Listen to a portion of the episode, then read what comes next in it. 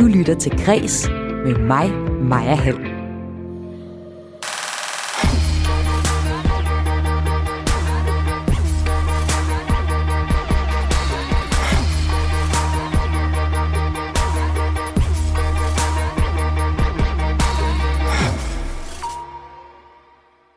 Hun er et fagnende og nysgerrigt menneske med den rette journalistiske erfaring. Sådan lyder forklaringen fra DK4 på, at tidligere udlændinge- og integrationsminister Inger Støjberg har fået sin egen programserie på kanalen blot to måneder efter, at hun er blevet dømt i rigsretten. DK4 har tidligere hyret kontroversielle navne som Milena Penkova, Jens Gårdbo og Henrik Kvartrup ind som værter. Er det en strategi for kanalens side? Det spørger jeg DK4's kommunikationschef om først her i dit daglige kulturprogram Kreds her på Radio 4. Derudover så dykker jeg i udsendelsen ned i historien om, at TV2's store historiesatsning Ingemann og Kongerækken er fuld af fejl. For eksempel den ja, tragisk-komiske fejl, at Christian den 7. halvsadistiske huslærer i serien bliver forvekslet med en af de store reformatorer i Danmark, der havde et meget progressivt børnesyn. Historiker Anders Lund Hansen påpeger flere fejl og kalder for eksempel afsnittet om vikingetiden for noget bras. TV2 beklager og siger, at det er menneskelige fejl. Og sidst her i kreds, der skal det handle om, at det skal være slut med, at præster kan have sex med en fra deres religiøse menighed. SF har stillet et beslutningsforslag, der kan ulovliggøre det. DF afviser problematikken, men i Hals Kirke er der allerede indført nye retningslinjer på området. Jeg taler med parterne i sagen, og mit navn det er Maja Hall. Velkommen til Kres.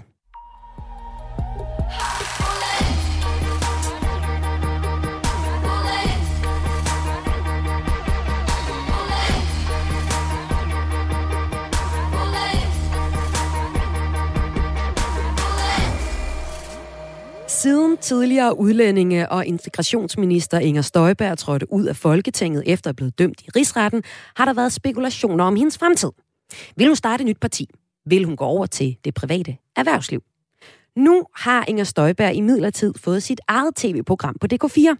I programserien Hvor er du? interviewer hun med Jysk Lune og underfundig humor danskere, der har og er her, der og alle vegne, men som nu er kommet videre og måske ikke længere trækker de store overskrifter, som DK4 skriver om programmet. Velkommen til programmet Hvor er du nu? Programmet, hvor vi tegner et portræt af en markant dansker.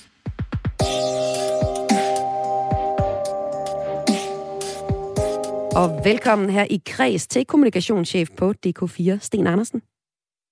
Tak. I manges øjne er Inger Støjberg en kontroversiel personlighed lige nu. Hvorfor har hun fået TV2 eller et tv-program hos øh, jer, Sten Andersen?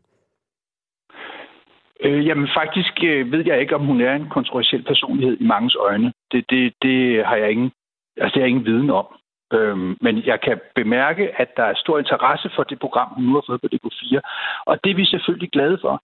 Inger Støjberg er en meget stærk øh, formidler. Altså, hun, hun kan udtrykke sig, så, så alle mennesker forstår, hvad hun mener. Og den slags har man brug for på tv og på radio også. Øhm, så, så derfor er hun altså perfekt til opgaven. Hun skal jo ikke lave noget, der har politisk tilsnit. Hun skal tale med mennesker. Det er hun vældig god til. Og, øhm, så, øh, så, var, så var muligheden der. Det er en, en gammel aftale, som jeg tror er blevet etableret i løbet af efteråret. Og hun startede hos os, øh, hvis jeg husker rigtigt, den første i første, eller lige efter nytår i hvert fald. Ja, Sten Andersen, du siger, at hun skal tale med mennesker. Gæsterne i programmet tæller blandt andet tidligere fodboldspiller Mark Riber, tidligere landstræner Steff Piontek og restauratør min Skov, som i 2012 løb konflikt med eh, 3F. Også for eksempel kunsthistoriker Alice Helleland, som fra midten af 90'erne til midten af 0'erne var direktør på Statens Museum for Kunst. Øhm, hvorfor mener du, at eh, Inger Støjberg er lige den helt rigtige til at lave interviews med de her folk? Jamen, jeg tror, at Inger Støjberg er, har den øh, menneskelige styrke, der skal til at møde andre personligheder, som, som har været igennem mediemøllen på forskellige vis. Jeg tror, at det, øh, hun stiller op med, giver en vis respekt hos de her gæster, som forventer, tænker jeg, og det synes jeg også, resultaterne peger retning af, at de bliver behandlet ordentligt. At de simpelthen sidder over for en menneske, på, på den ene eller anden måde kender noget til den skæbne, også helt ind i sin egen sjæl. øhm, for hvad de har været igennem. Og derfor har de tillid til, at Inger Støjberg stiller nogle spørgsmål, som er relevante, også for et større publikum. Og jeg tror ikke, der er så mange andre, der kunne løse det. Jeg tror faktisk ikke, en klassisk uddannet journalist ville have haft den samme succes med at hive fat i de her mennesker. Fordi øhm, at det er den personlige indsigt og viden og, og den der... Øh, altså, Inger Støjberg har også mødt smerten. Hun har kæmpet for noget, hun troede på, og, og har ligesom fået at vide, at det, det var så ikke ligesom, som det skulle være. Det tror jeg er en meget, meget, meget voldsom lektie. Og det er der mange af de mennesker, øh, Sepp Piontek er, er nok ikke en af dem, men altså at nogle af de andre, du nævner, har også været igennem på den hårde måde mediemøllen, og de stiller altså ikke op til hvad som helst, men de vil gerne snakke med Inger Støjberg, fordi øh, de føler sig de føler sig overbevist om, at der bliver de mødt af en, som kan forstå, hvad der, er, der bliver sagt. Er det, noget, de har, er det noget, de har fortalt uh, til dig, at de gerne vil Nej, netop det, interviewe hende? Nej, altså, det, jeg, jeg bygger det på to ting. På det første, at interviewene går smadret godt, programmerne bliver super gode, og at de, øh, når, når Inger Støjberg og hendes produktionshold spørger, om disse mennesker vil være med, så siger de ja. Mm. Altså, der er faktisk ikke rigtig nogen forbehold. Folk siger ja tak, det vil gerne. Så derfor tror jeg, at der, hun, hun kan noget her, som ikke ret mange andre vil kunne, og derfor er hun helt rigtig til de her programmer. Nu øh, anfægtede du til at starte med, øh, at, øh, at øh, Inger Støjberg skulle være en kontroversiel vært at hive ind. Når vi siger kontroversielt, så er i forbindelse med, at øh, i december, der blev Inger Støjberg ved en rigsret dømt for at have givet en ulovlig instruks om adskillelse af alle asylansøgerpar, hvor den ene var under 18 år. Og kort efter, så blev hun af et flertal i Folketinget erklæret uegnet til en plads i salen og måtte så stoppe sin politiske karriere for nu. Så det er selvfølgelig det, det handler om. Det er under to måneder siden, at hun blev erklæret uegnet til at sidde i Folketinget. Og tidligere var hun ellers en af partiets mest markante profiler. Efterfølgende har både Dansk Folkeparti og Nye Borgerlige øh, bejlet om hendes gunst. Har I øh, ikke haft nogen betænkeligheder ved at ansætte hende hos DK4? Nej, det tror jeg ikke, vi har. Altså, jeg, jeg kan næsten ikke forestille mig, hvad det skulle være. Hun er jo ikke ansat til at lave noget politik. Mm. Hun er ansat til at lave nogle samtaleprogrammer. Og øh, det, det, det troede vi på, at hun var smadret god til, og det kan vi se, det er hun smadret god til. Så det, den sidder der lige på i midten af skiven, synes jeg. Og nu siger du så også, øh, Sten Andersen, at de på DK4 tidligere har oplevet kritik af de værter, som her er ansat. Og øh, det er for eksempel nogle kontroversielle værter. Nu kommer jeg lige med tre eksempler. Det gælder for eksempel Jens Gårdbo, der blev vært på aktualitetsprogrammet i ugens løb med Jens Gårdbo, efter han i december 2020 stoppede på TV2, da en advokatundersøgelse konkluderede, at han i sin tid som nyhedschef på kanalen havde udvist dårlig dømmekraft.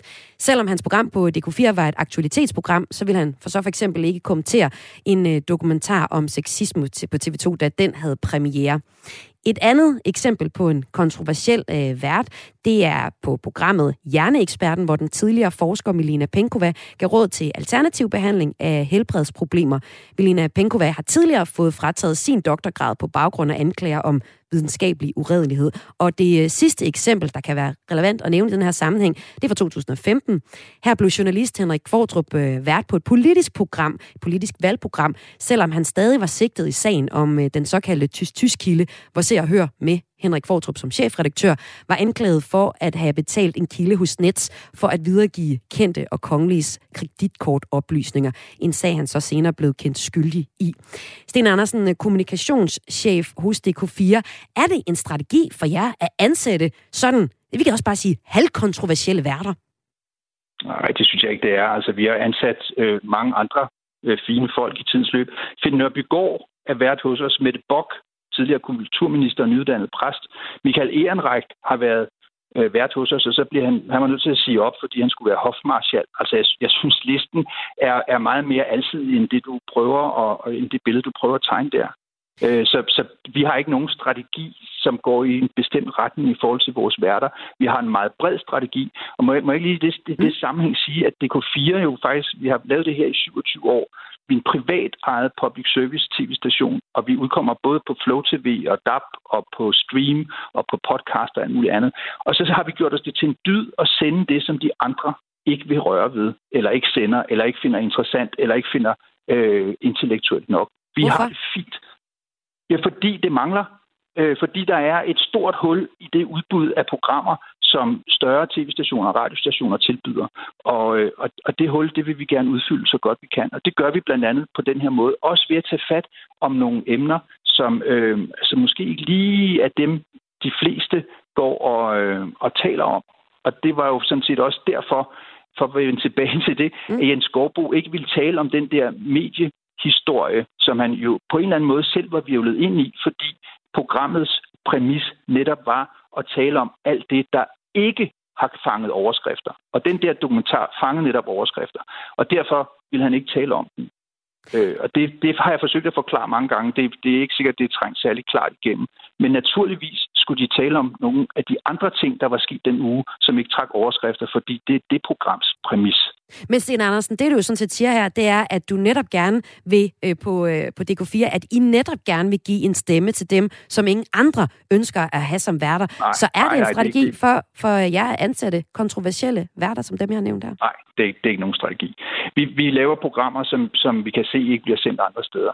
Øh, det er egentlig det, vi gør. Og så, så er der... Øh, vi, vi, vi har, jeg ved ikke hvad, 30 værter i vores mm. solg lige nu, og, og nu er der så en, som, øh, som vi har fået øje på, synes er noget særligt. Og det er hun også. Hun er nemlig super god til sit arbejde, øh, og, og det, det er vi glade for. Så, så øh, Inger er hos os, ikke fordi hun er kontroversiel, men fordi hun er god.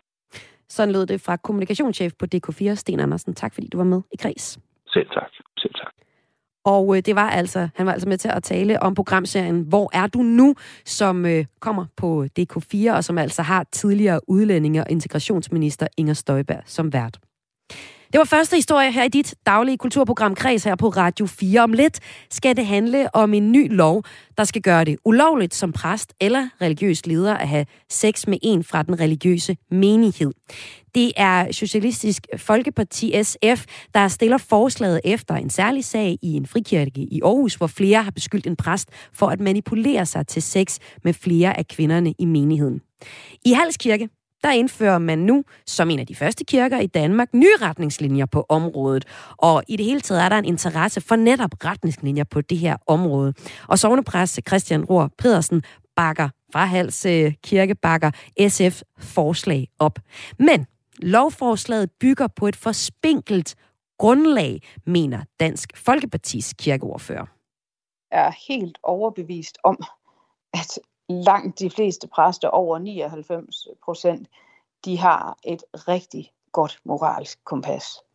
Men inden det skal handle om øh, sex i kirken, så skal det her i Græs handle om et historisk program, der ifølge flere historikere har masse fejl, og en historiker siger simpelthen klart om et afsnit om weekendtiden, at det er noget bras. Du lytter til Græs med mig, Maja Hall. I morgen ruller sidste afsnit af historiesatsningen Ingemand og Kongerækken over skærmen på TV2. Gennem seks afsnit har seerne kunne følge den populære tv-vært Peter Ingemann gennemgå Danmarks historien og Danmarks regenter helt tilbage til Gorm den Gamles tid. Men selvom Peter Ingemann i serien er flankeret af kyndige eksperter, har der alligevel snedet sig faktuelle fejl ind i serien. TV2 beklager og har rettet op på flere fejl. Det er blandt andet mine næste to gæster, der har oplevet nogle af de fejl. Så nu kan jeg sige velkommen til Louise Sebro, museumsinspektør på Revendlov Museet, Pederstrup på Lolland. Velkommen til dig. Tusind tak. Og jeg kan også sige øh, velkommen til Anders Lund Hansen, historiker og forfatter og også foredragsholder. Velkommen til Kreds. Tak skal du have. Vi dykker ned i to af de mest problematiske fejl i den her øh, serie. Men først så kunne jeg godt tænke mig at høre dig, Anders Lund Hansen. Hvilken betydning har det for dig som historiker, at der i en stor opsat historisk dokumentar har snedet sig faktuelle fejl ind? Det er jo en spildt chance. Det er rigtig ærgerligt, fordi folk kommer og glade, historieinteresserede, sætter sig foran skærmen og vil gerne have noget at vide. Og så får de det er jo ikke bare små fejl, så får de serveret mange fejl og også mange store fejl. Så det er altså en spild chance for at oplyse om fortiden. Og Louise Sebro, er det det samme, øh, du føler, når du øh, ser den her serie med, med fejl? Altså nu skal det jo siges, at jeg har kun set det ene afsnit, øh, som handler om den periode, som jeg jo repræsenterer, som er mm. 1700-tallet især. Øh, og der er nogle fejl i, øh, jeg synes måske ikke, det er helt så grælt, som, øh, som det Anders øh, fortæller om afsnittet. Det kan jeg jo ikke udtale mig om. Men øh, jeg synes, de fejl, der er og har været, er rigtig ærgerlige, selvfølgelig. Og om et øjeblik her i øh, Kreds på Radio 4, der har jeg TV2 med til at svare på kritikken. Men øh, lad os først se på, hvad det er for nogle fejl, og lad os dykke ned i to af fejlene. Først den, som du, Louise Sebro, har bemærket, og Anders Lund øh, Hansen, du bliver bare hængende i et øjeblik, så starter vi lige der med den øh, fejl, du har opdaget, Louise Sebro. Den første fejl handler om... øh, To meget forskellige mennesker, der er blevet forvekslet. Fejlen finder man i det femte og næstsidste afsnit af serien. Her hører man historien om den unge kronprins Christian den 7., der mister sin mor som toårig og har en fraværende og alkoholiseret far. Hans opdragelse den bliver derfor overdraget til den brutale grev Ditlev Revendlov, der sørger for, at hverdagen står på korporlige afstraffelser, verbale øretæver, øretæver og psykisk terror, som der bliver sagt i serien. Historien her er illustreret dog ikke med et billede af Ditlev Revendlov, men, og her kommer fejlen, med et billede af Christian Ditlev Frederik Revendlov altså en helt anden mand. Christian Ditlev øh, Frederik Grevenlov, var greve og statsminister, og kendt for et helt, helt, helt andet syn på bør- børneopdragelse end Ditlev Revendlov. Det kunne Ekstrabladet fortælle forleden. Fejlen er så efterfølgende blevet rettet i den version, der ligger tilgængelig på TV2 Play. Men Luce Sebro, museumsinspektør på netop Revendlov Museet i Pederstrup, jeres museum er indrettet i øh, Christian Ditlev Frederiks Revendlovs bolig. Hvad var det for et helt andet menneskesyn, som han var kendt for? Jamen, han var jo, kan man sige, en first mover på det, i virkeligheden det menneskesyn, som vi jo stadigvæk på mange måder bygger vores verden op omkring i dag. Øh, og nu beklager jeg lige, øh, hvis der er mange øh, larm her i baggrunden fra Napoli. Øh, men øh, Christian Ditlev Frederik Revenlov var øh, præget af oplysningstiden. Det var Ditlev Revenlov nu på mange måder også, men han var meget fascineret af Rousseau, øh, den svejsiske filosof, som øh, introducerede sådan et helt nyt børnesyn, som handlede om, at børn skulle have lov til at de skulle ses som hele mennesker, og de skulle have lov til at øh, gå på opdagelse i verden og lege sig frem og, og gå i et med naturen. Øh, og det var jo, det er jo sådan der, hvor barnet får lov til at, at komme frem i verden og være noget i sig selv. Og det er jo noget helt andet end den gammeldags, sådan hårdhændede øh, måde at opdrage på, hvor man bare slog barnet ind til at, at rette sig ind, og, øh, og bare nærmest gik og ventede på, at barnet blev et voksent menneske. Ja, altså... Øh, så det er jo sådan lidt ærgerligt, at det bliver helt øh, forvekslet, de to øh, tilgange til barnets verden. Man må også sige, at det er sådan ekstra uheldigt, at det er lige de to mennesker, der er blevet forvekslet, når de nu er så forskellige, hvor vi altså har sådan en, en øh, uh, halvsedistisk uh, øh, lærer på den ene side, og så en, der virkelig har været progressiv for sin tid på den anden side, som altså her er blevet forvekslet i den her historiske uh, serie, som lige nu kører på uh, TV2. Jeg kan til mig at høre dig, altså nu var du lidt inde på det, på det før, at, at uh, den her fejl, den er problematisk. Det er ikke helt så gralt som det, vi skal høre om lige om lidt. Men hvad betyder det for jer, der arbejder med netop øh, det her, at der bliver brugt et billede af Christian Ditlev Frederik Revendlov til at illustrere historien om Ditlev Revendlov? Altså man kan sige, det der jo, det der jo er pointen er, at, at billedet af Christian Ditlev Frederik er jo sådan lidt ikonisk. Det er et, man tit bliver præsenteret for. Det er jo et, der hænger på vores museum. Og det vil sige, når folk ser det billede, så forbinder de det, de hører om ham, med noget, de så måske har set på tv, som handlede, som, som var et helt andet billede. Så det vil jo sige, at historien bliver øh, uklar, og den bliver svær at forstå, og den bliver jo faktuelt forkert, kan man sige. Og så skal vi ligesom gå og rette op på det øh, billede. Kommer I reelt set til at skulle rette op på noget? Fordi det er jo også to gamle billeder, kunne man sige. Det er rigtigt. Øh, og Peter Ingemann har jo også selv udtalt til Ekstrabladet, at han kan ikke ligge søvnløs om natten, øh, for om to 400 år gamle billeder bliver forvekslet. Helt 400 år er det jo så ikke.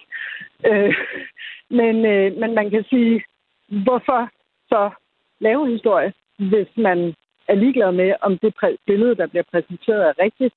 Øh, vi laver jo historieprogrammer også for at forstå vores fortid og forstå, hvor det er, vi kommer fra.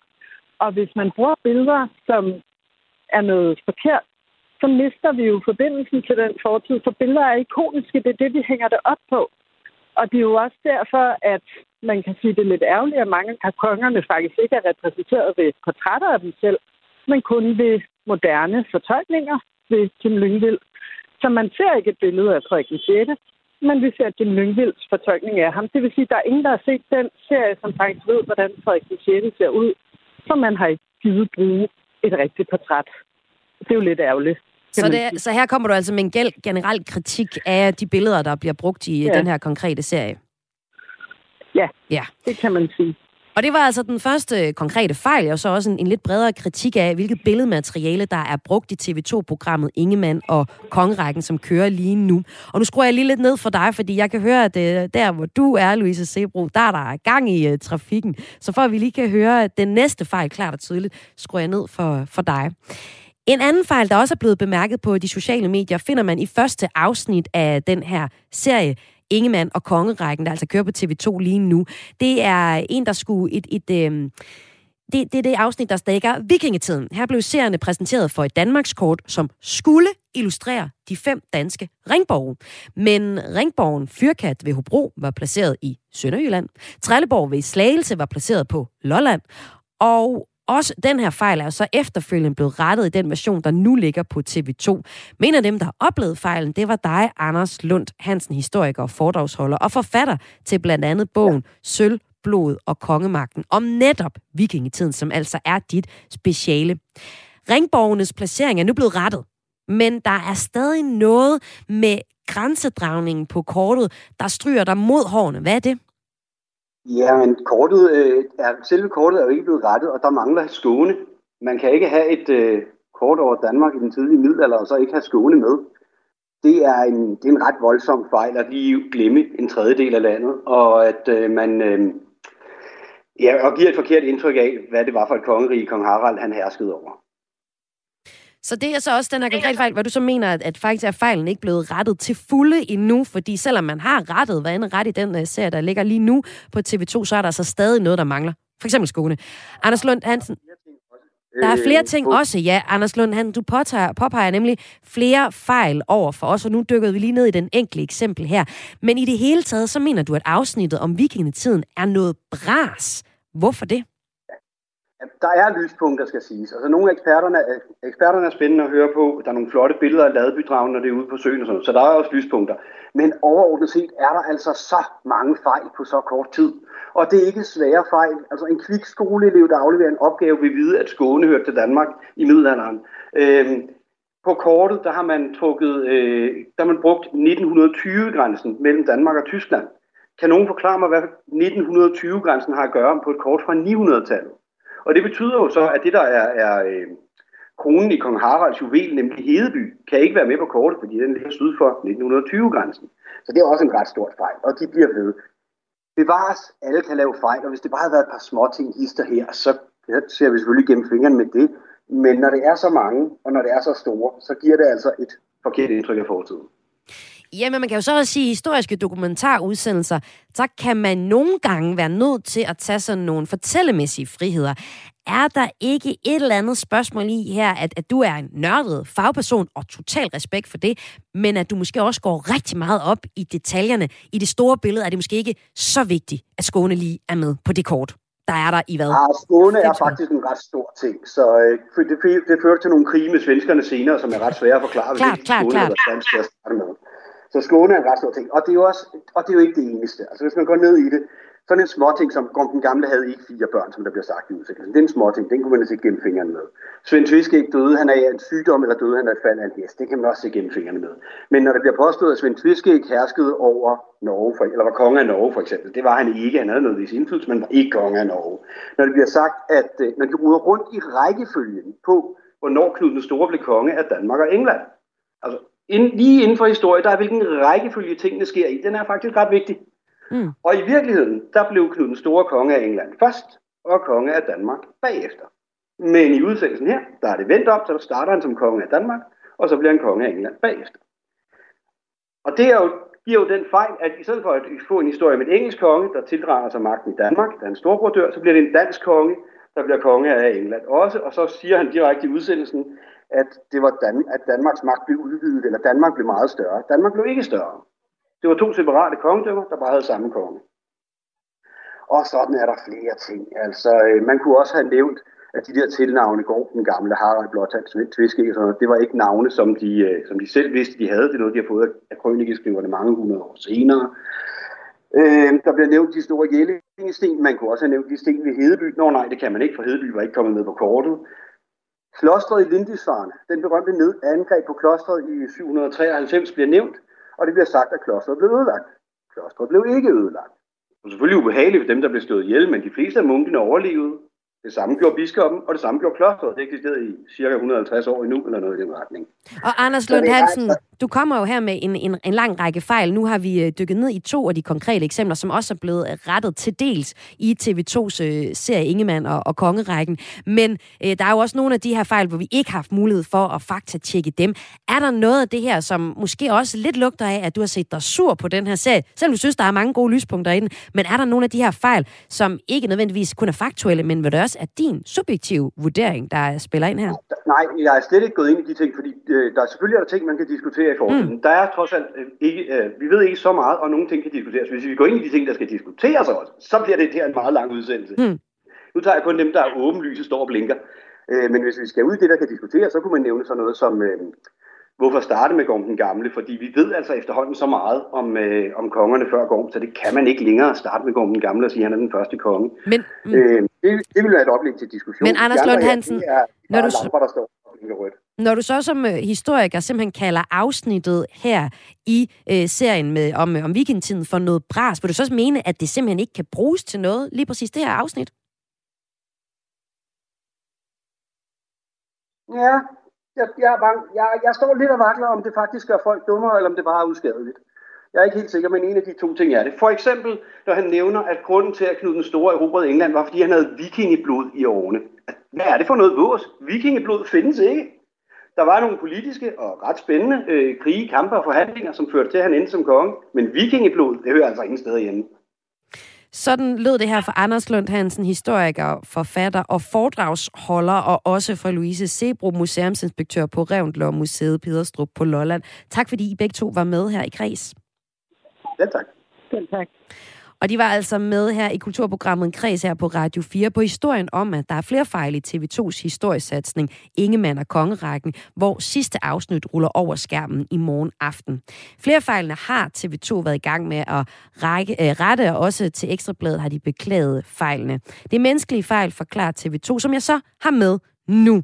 Og velkommen til øh, TV2's redaktør på programmet Ingemann og Kongeretten. Kongerækken, yes, Skrøder, velkommen til Græs. Ja, god eftermiddag. Kan du høre mig? Jeg kan nemt høre dig.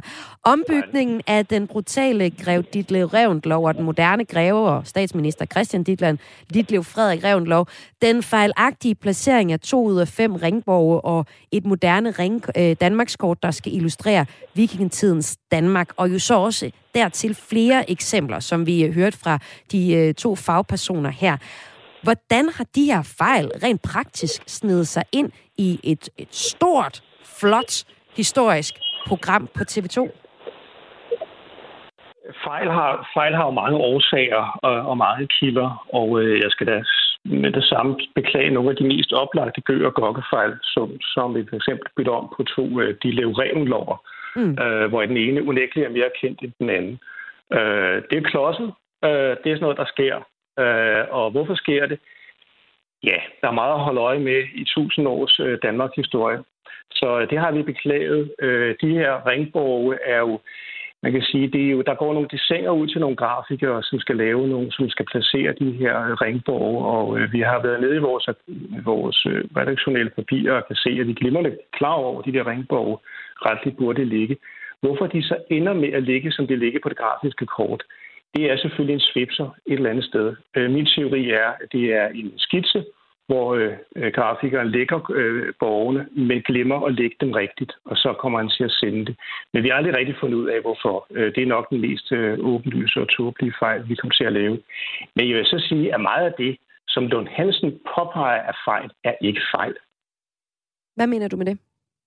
Ja, altså Svend var konge af Norge, for eksempel. Altså, det er, altså det, der er, der er, der er, der er historikere uenige med ham. Jeg kan fortælle dig, at ifølge Saxos 10. bog, 12. kapitel, så siger, der skriver Saxo, nu lod han sig ikke nøje med at underlægge sig Norge, men gik også imod England. Altså, øh, så altså, det er som, så må man sige, så er der måske historikere, der er uenige om det. Men, mm, men øh, burde det så vores, fremgå vores, i uh, udsendelsen? Vores måde, nej, det burde det ikke. Mm, hvorfor ikke? Øh, fordi, fordi vi lægger os op af det, som er det gængse historiesyn. Vi lægger os op, at, vi lægger os op at det syn på historien, som de fleste historikere er enige om, er det rigtige.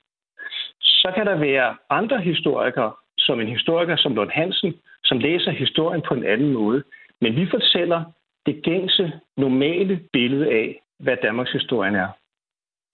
Så når Lund Hansen, og når Lund Hansen han snakker om, at, øh, at, øh, at Skåne ikke er med på et kort, og grænsedragningen fra 1920 er på et kort, øh, der viser Ringborgs placering, og nu også den rigtige placering, så er det jo fordi, at vi fortæller, hvor Ringborgen ligger i Danmark, i det Danmark, vi kender i dag. Så han, han, for, han, for, han fortolker bevidst kortet i en forkert retning. Øh, de, at, at Skåne ikke er med, og grænsedragning er der i 1920, er fordi, at sådan ser Danmark ud i dag. På samme måde viser vi også nogle stifter øh, på et tidspunkt, hvor der er nogen, der, der synes, at det er mærkeligt, at vi ikke viser stifterne i Skåne. Jamen det er fordi Skåne er ikke en del af Danmark. Det er en forklaring på, hvor stifterne ligger i dag, og hvor man kan møde Ringborg i det Danmark, vi har i dag, ved de grænser, vi har i dag. Så, så jeg skriver det, er... Når ja. Lund Hansen siger, ja. at det er en fejl, det er ikke en fejl. Så det, jeg hører dig sige, det er, at der har været nogle enkelte fejl, men yeah. de fejl, der bliver påpeget her, det er noget, der er op til diskussion.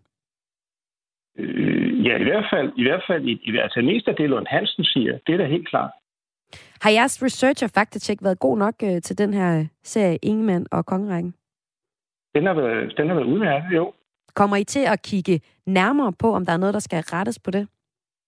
Altså det gode ved, det gode ved øh, den måde, fjernsyn udkommer på i dag, er jo, at øh, vi kan gå ind, når det drejer sig om sådan noget som kort og diskussion om, hvorvidt kort er rigtigt og forkert. Så vil vi jo gå ind og, og justere det og lægge det på, så i den udgave, du møder på TV2 Play, der er det rettet.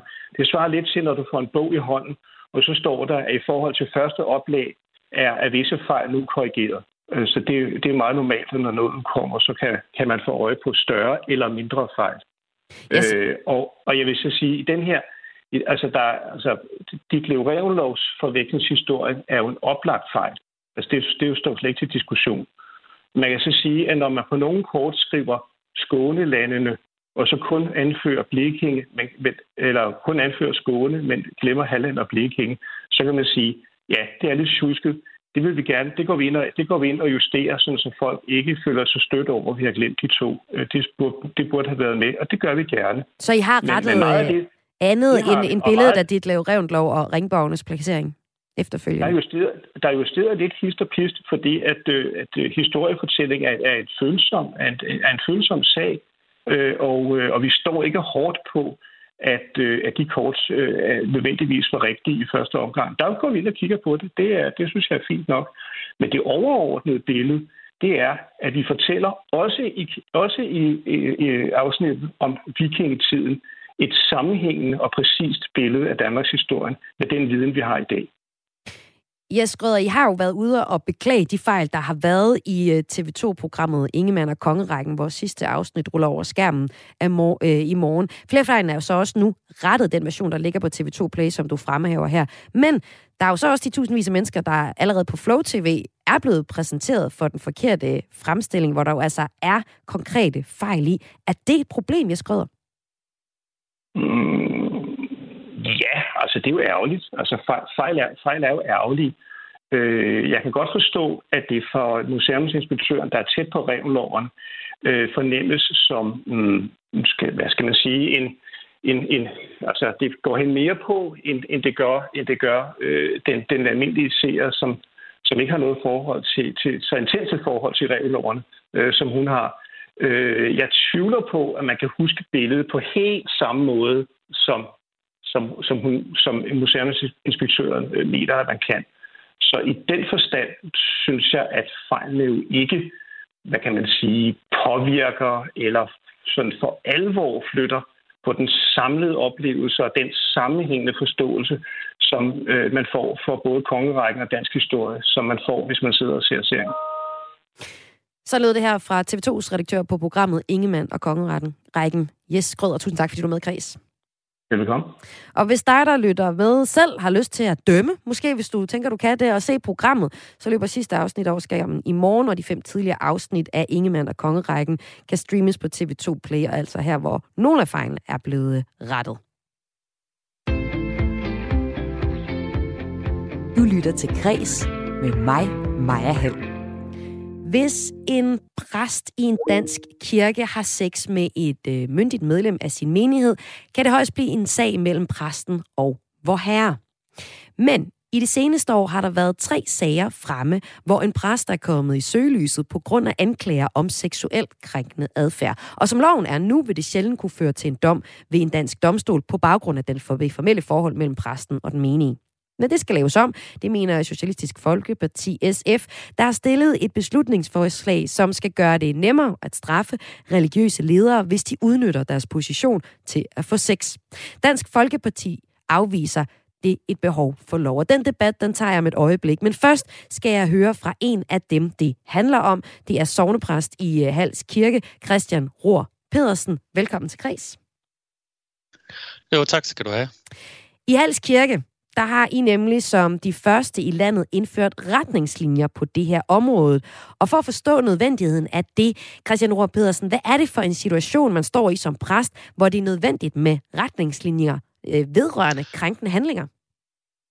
Ja, der skal vi måske have med, at det vi har indført retningslinjer for i, i hals, det gælder for kirkens øvrige ansatte, mm. øh, og det vil sige graver, organister og kirkekulturmedarbejdere osv. Øh, de er nemlig ansat af menighedsrådene, og der kan vi lave vores, vores egne regelsætter for.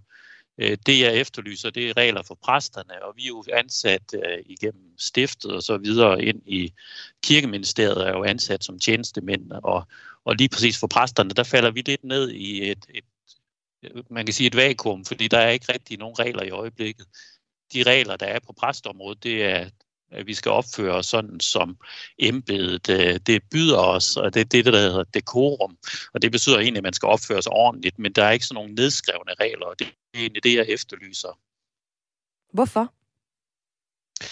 Fordi øh, vi som præster har en, en utrolig stor magt, og det er måske ikke sådan, man tænker på præsterne normalt. Øh, men vi præster har mange, øh, det vi kalder sjælesorgssamtaler, øh, det vil sige fortrolige samtaler med, med, en, med en præst. Og øh, de er jo alene med terapisamtaler, med lægesamtaler og andre fortrolige samtaler, som går meget tæt på folk. Og når man er i sådan en sjælesorgssamtale, så er der et meget asymmetrisk forhold. Øh, og der er det afgørende, at der ikke opstår noget øh, seksuelt mellem præsten og, og den, der kommer til præsten i, i den situation. Og det synes jeg godt må fremgå ret tydeligt, lige så vel som det gør for både læger og, og psykologer og fysioterapeuter, men ikke for præster endnu. Jamen, man kan jo så også omvendt spørge, du siger jo selv, at det præster skal opføre sig ordentligt. Hvorfor skal der laves direkte øh, en, en lov, som du bakker op om, som SF øh, kommer med her, hvor I selv har indført retningslinjer for, hvad der skal ske i, i tilfælde af krænkende adfærd? Hvorfor er der behov for det, Christian Rohr? Jeg tror, at hele denne her MeToo-debat, som har kørt snart fem år, den har gjort os alle sammen klogere på, at der er nogle magtforhold og nogle magtstrukturer, som vi bliver nødt til at, at sætte ord og navn på. Og derfor synes jeg, det er gavnligt, at vi får det skrevet specifikt ned. Øh, det kan være til gavn for dem, der kommer til præsten også, at man ved, at her er et ikke-seksuelt rum. Så hvis der skulle mod forventning opstå noget i den retning, så ved man, at det ikke er i orden. Altså, så har man sat ord på på forhånd fra kirkens side. Det synes jeg, vi skylder de sårbare mennesker, som, som kommer til os.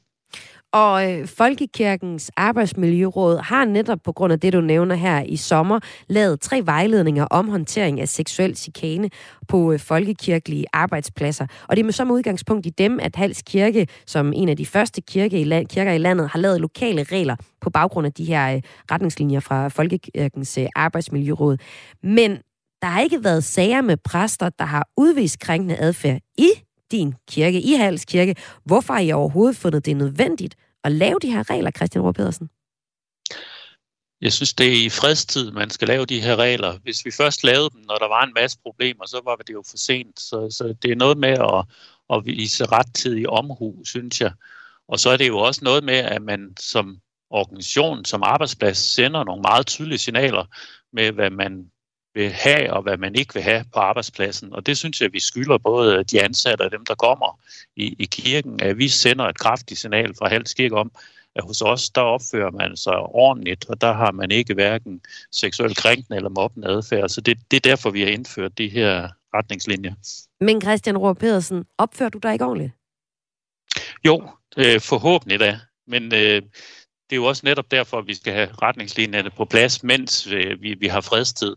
Så i tilfælde af, at der skulle blive brug for dem, så ligger de der. Og så har vi jo, altså man kan sige også, det har også en forebyggende effekt, hvis man kan sige det sådan, at når vi som organisation siger, at man skal opføre sig på en bestemt måde, så sender vi nogle signaler både til dem, der kommer hos os og til vores, øh, vores medarbejdere, og forhåbentlig får vi også nogle regler på, på præsteområdet, så der bliver sendt nogle klare signaler for, øh, hvad man vil have hvad man ikke vil have. Christian Ove Pedersen, du sammenligner dit erhverv som øh, sovnepræst med det at være for eksempel psykolog eller læge, hvor der er nogle andre regler på området. Prøv lige at uddybe det. Det er fordi, at når man kommer til sin læge, det tror jeg de fleste ved, så er man jo utrolig sårbar. Man fortæller lægen nogle ting, som er meget private. Og det giver simpelthen et, et skævt magtforhold. Og enhver kan nok blive enige om, at hvis en læge udnyttede sin position som læge til at indlede et seksuelt forhold til sine patienter, så ville det være helt øh, udskoven.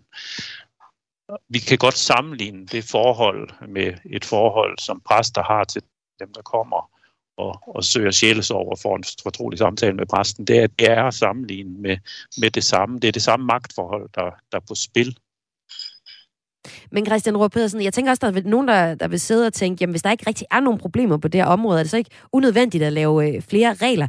Christian Rohr Pedersen, er det her i virkeligheden en måde for, for dig som sovnepræst i Hals Kirke at lige få en tur i medierne med en, øh, med en vindersag, som ikke mange kan sætte øh, en finger på? Øh, desværre øh, altså er der jo sager rundt omkring i landet. Det må vi jo bare erkende. Der er heldigvis ikke mange, og jeg har ikke en idé om, at skeletterne de falder ud af skabet. Øh, men der er nogle ulykkelige sager, og der har været nogle få, der har været i medierne. Der er også andre sager, som ikke kommer i medierne. Øh, så det er jo også noget med at adressere en problemstilling, som heldigvis ikke er stor, men som er meget vigtig, fordi det er meget, meget ulykkeligt, og det trækker nogle lange spor øh, for dem, det går ud over. Så altså den, den psykiske omkostning for folk, den er, den er så stor, at man bliver simpelthen nødt til at tage det her alvorligt og desværre er det også noget, der sker i, i kirken. Ja, og de øh, enkle sager kom vi også ind på om et øjeblik. Nu vil jeg sige tak, fordi du var med, Christian Rohr Pedersen, sovnepræst i Hals Kirke. Jeg kan høre, at kaffekopperne rasler ud bagved, så der må være tid til en omgang kirkekaffe nu. Selv tak. I Hals Kirke, hvor Christian Rohr Pedersen altså er sovnepræst, har man som den første kirke i landet indført retningslinjer vedrørende krænkende handlinger. SF har stillet et beslutningsforslag på det her område, som Folketinget skal tage stilling til i starten af april. Forslaget handler om, at de vil kriminalisere, når en religiøs leder, som eksempelvis en præst, udnytter afhængighedsforholdet mellem præst og menighed til samleje. En af forslagsstillerne, det er retsordfører for SF, Karina Lorentzen. Den har en velkommen til Kreds. Tak. Hvorfor er der behov for en lov, der kan straffe øh, præster og andre religiøse ledere her? Jamen, det kom jo egentlig på baggrund af, at der var en sag med en øh, frikirke, hvor adskillige kvinder i hvert fald havde øh, følt sig manipuleret og udnyttet af, af, hvad kan man sige, det religiøse overhoved, der var der. Og det blottede egentlig, at der var brug for øh, noget lovgivning på det her område. Og det er det, der blev øh, anstødstenen til øh, selve forslagene, for, til selve forslaget. Og det handler jo om dels at forebygge, at de her sager øh, de opstår, men også at give øh, offrene en klart defineret retsstilling. Det er så først til april, at Folketinget skal tage stilling til det her forslag, som I kommer med fra SF. Men allerede nu så møder forslaget modstand vi har talt med Mette Jermin Denker, der er kirkeordfører for Dansk Folkeparti, og øh, hun mener, at det er vigtigt, at vi sikrer os, at det her forslag ikke går ud over vores præsters privatliv. En præst bor i lokalsamfundet. Øh, en præst øh, oplever, at børnene går i skole øh, der, eller øh, man går måske selv til nogle fritidsinteresser, og man omgås folk i lokalsamfundet i sin fritid. Og derfor så hvis vi skal ind og lovgive på det her område, så skal vi jo passe rigtig meget på med, hvorfor må en præst ikke forelske sig i en, eller ende med at være sammen med en, der bor i byen, som, som man kender gennem en fritidsinteresse eller et eller andet. Og det er derfor, den er lidt mere broget end i så mange andre fag. Den er lidt mere broget end i andre fag, lød det her fra kirkeordfører for Dansk Folkeparti. Og med mig har jeg altså Karina Lorentzen, der er retsordfører fra øh, SF. Hvorfor skal en lov sikre, at der ikke sker krænkelser af menigheder og kirkegængere, uden at det, det går ud over, eller hvordan kan det, uden at det går ud over præstens privatliv, som vi jo altså hører SF øh, fremhæve her? Jeg vil først og fremmest sige, at jeg Øh, er lidt overrasket over Dansk Folkepartis position i det her, fordi da sagerne om frikirkerne kom frem, øh, der var de meget enige i, at der var behov for at gøre noget. Øh, og så synes jeg måske, de skylder svar på, hvad det så er, vi kan gøre. Når det så er sagt, øh, så er det selvfølgelig klart, at øh, man må som præst gerne forelske sig, og jo, hvis det er gensidigt, øh, så må man selvfølgelig også have et forhold til nogen. Men det, som man ikke må, det er at udnytte en sårbar relation øh, til en i menigheden. Og det er sådan set det, som vi synes, der er behov for at kriminalisere. Så det er selve udnyttelsen, manipulationen, og det er jo noget helt andet end et gensidigt øh, parforhold. Men vi hørte jo lige Christian Rohr Pedersen, som er sovnepræst i Hals Kirke, sige, jamen som præst, så er, skal jeg opføre mig ordentligt. Er det ikke nok, at man som præst skal opføre sig ordentligt? Behøver, er der virkelig behov for, for en lov? Ja, man kunne jo godt ønske sig, at alle præster opførte sig ordentligt, og det tror jeg sådan set også, øh, langt de fleste gør. Øh, jeg tror, han har ret i, at der er øh, ganske få sager på det her område, og nu er præster jo en ting, det kunne også være imamer eller andre øh, religiøse mm. ledere af forskellige frikirker. Øh, vi har bare set, at der er sager, og det her handler for mig om at klart øh, fortælle, hvad er det, der gælder øh, på det her område, og forebygge sagerne, fordi det øh, er jo også vigtigt, at man ved, hvad det er for nogle regler, man læner sig op af. Øh, og det næste er, at det også er med til at sikre offrene en ret klar retsstilling. Øh, en retsstilling, som de ikke har i dag. Og nu øh, nævner vi de her sager engang imellem. Lad os lige tage de tre sager, der har været fremme det seneste år. Der har været en, øh, en sag frem, hvor en præst er kommet i søgelyset på grund af anklager om seksuel krænkende adfærd. Og nu nævner jeg lige de tre sager her. Første sag handler om en præst i København, der er fem kvinder er beskyldt for grænseoverskridende adfærd. En anden sag handler om en teolog, teolog i Helsingør Stift, der er blevet afsat som præst allerede inden han var startet, fordi han som frivillig havde indledt et forhold til en sårbar kvinde, som søgte om hjælp. Og så er der den øh, tredje sag, som er grundlaget, som vi hørte her fra, fra SF, er, er grundlaget bag, at SF har stillet beslutningsforslag, som skal ulovligt gøre at udnytte sin magt som præst til at opnå øh, samleje. Og det er det øh, sag, der handler om en, en frikirke i Aarhus, hvor flere beskyldte en præst for at manipulere sig til sex med mange af kvinderne i menigheden. Men for øh, Mette Jermin Denker, der er kirkeordfører hos Dansk Folkeparti, så mener hun ikke, at man skal lovgive ud fra så enkle og få sager. Jeg er helt overbevist om, at langt de fleste præster, over 99 procent, de har et rigtig godt moralsk kompas. Og man ved udmærket godt, hvornår det her det er langt over grænsen. Så det tror jeg, det tror jeg altså, at det er, et, det er et meget lille problem. Det vil også være skidt, hvis vi begynder at lovgive ud fra få enkeltsager sagde her kirkeordfører for Dansk Folkeparti, Mette Jermin Denker. Altså, Karina Lorentzen, den har det, jeg er egentlig ret sikker på, at dig og Mette Jermin Denker er ret enige om, at de sager, vi har med at gøre her, de tre sager, jeg nævnte her, er nogle voldsomme sager, men det er jo stadig enkelt sager. Synes du, at vi skal indføre en lov på baggrund af, ja, det er jo faktisk en enkelt sag, du øh, fremhævede til at starte med? Jamen, jeg, jeg tror faktisk, at Mette har ret i, at øh, 99 procent, eller hvordan det nu var, hun udtrykte det, øh, af præsterne, de ved godt, hvad det er, der forventes af dem, og de øh, agerer øh, fuldstændig ordentligt. Øh, og det er jo de her øh, sager, hvor man kan sige, at offerne lige pludselig står meget svagt. Altså det er en meget sårbar situation, når man krænger det inderste ud øh, foran en religiøs leder, og hvis man så også er stærkt troende, så åbner det altså for et potentiale for, for misbrug. Og det er jo, uanset om det er få sager eller ej, så er vi nødt til også at tage øh, offerperspektivet her. Øh, og det er det, som jeg synes øh, er det væsentlige at, at få på plads. Øh, I den sag, øh, som handler om Jasmine og flere andre kvinder, som blev udnyttet i øh, en frikirke. Altså der er der jo endda en del, øh, det kan godt være, at der kun er én præst, men der er flere sager, og offrene stod bare øh, rigtig svagt efterfølgende, og det synes jeg er værd at lave regler for. Men det, Mette Jamen Denker jo sådan set også fremhæver her, hun er kirkeordfører for Dansk Folkeparti, det er, der er jo også allerede øh, regler, og altså grundlæggende, så skal præster opføre sig ordentligt. Det er, det er ligesom også en del af præstegærningen. Og så er der jo også regler generelt set i vores øh, retssystem, der handler om, at man ikke skal krænke folk. Så har vi ikke regler nok på det her område igen, Kring Altså, jeg synes jo, der er en skævhed, når vi har regler øh, for læger og psykologer, som ikke må udnytte, hvad kan man sige, en behandlingsmæssig øh, situation øh, men at præster, øh, som øh, yder sjælesorg, øh, er omfattet af nogle andre regler, eller det kan også være imamer, eller religiøse ledere i frikirker, eller hvem det nu er. Øh, der er bare noget helt særligt på spil, øh, og det synes jeg egentlig også, at Christian tidligere i interviewet bekræftede, mm. øh, når man går til øh, sin, sin præst og søger råd og vejledning, og måske er i krise. Øh, og der øh, synes jeg, vi skylder øh, potentielle ofre, at øh, der også er en retsstilling, som er meget klar øh, og som arbejder til deres fordel. Ja, lad os lige tage den her pointe med, at, at præster og andre religiøse ledere tit bliver sammenlignet med psykologer. Øhm, hos psykologer så er der regler, som øh, der, der det gælder også for læger og fysioterapeuter, at de ikke, altså der er en regel, at de ikke må have sex med deres patienter. Øhm, for et øjeblik siden, så talte jeg jo her i kreds med sovnepræst i Hals Kirke, Christian Rohr Pedersen. Han har også tidligere et debatindlæg uddybet den her pointe. Det er et debatindlæg til Jyllandsposten, hvor han sammenligner præster med psykologer og læger på følgende måde.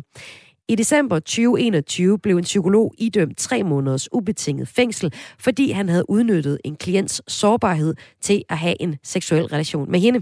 Havde psykologen været præst, har han i højst sandsynligt ikke blevet dømt og kunne beholde kjole og krav. For mens der er klare regler for, at psykologer og læger og fysioterapeuter ikke må have sex med deres patienter, er der ingen regler, når det kommer til folkekirkens præster. Men den sammenligning, den kan man ikke lave, det siger Dansk Folkepartis kirkeordfører Mette Jermin Denker.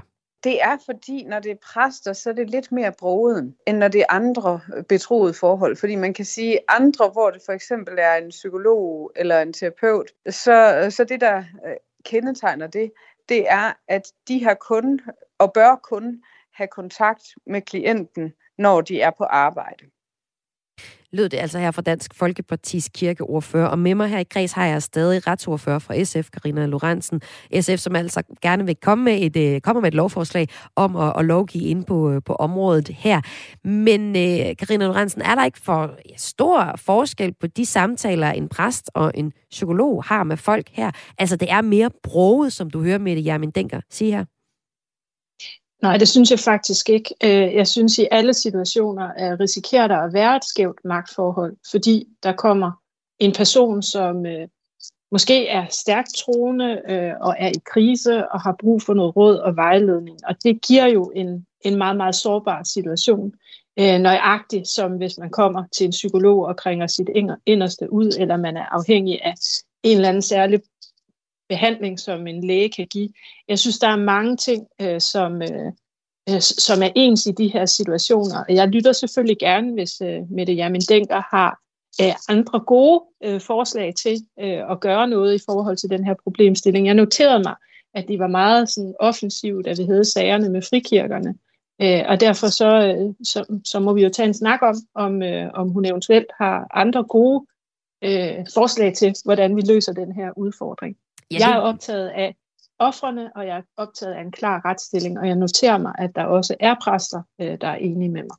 Ja, og vi vil jo gerne have Mette Jamin øh, Denker fra Dansk Folkeparti med i dag. Det kunne desværre ikke lade sig gøre, så jeg vil høre dig til sidst, Karina Lorentzen Denhardt øh, fra SF. Hvad er det næste, I kommer til at gøre på det her område? Nu er det jo så til april, det skal behandles, jeres lovforslag. Men hvad kommer I til at gøre indtil da? Jamen, øh, jeg tror, at vi afventer øh, stillingtagen til vores øh, Øh, forslag. Øh, jeg noterer mig, at der var rigtig mange, øh, som i sagerne om frikirkerne sagde, at her er der en problemstilling, mm. som, skal, som der skal gøres noget ved. Så jeg har da også en klar fornemmelse af, at, at det her det kan blive til noget, når vi nu står i Folketingssalen til april. Sådan lød det fra retsordfører fra for SF, Karina Lorentzen. Den har tusind tak, fordi du var med kreds. Selv tak. Og SF's beslutningsforslag om at kriminalisere forhold mellem religiøse ledere og menighed, det skal Folketinget tage stilling til i starten af april. Og det var sidste historie i dit daglige kulturprogram Kreds her på Radio 4. Et program, hvor jeg også har fortalt historien om, at Inger Støjberg, altså øh, den øh, tidligere udlænding- og integrationsminister, nu får sin egen programserie på øh, DK4, blot to måneder efter hun er blevet dømt i rigsretten. Jeg har også øh, her i programmet fortalt om øh, den øh, store TV2-satsning, eller historiesatsning, Ingemann og Kongerækken, som er øh, fuld af fejl. Det kan du også høre, hvis du finder programmet som podcast, hvis du altså ikke lige fik det hele med her. Programmet i dag var tilrettelagt af Søren Berggren Toft og Esben Kvist Lund, og jeg har været din vært de sidste 55 minutter. Mit navn er Maja Hall, og jeg vil ønske dig en rigtig dejlig eftermiddag.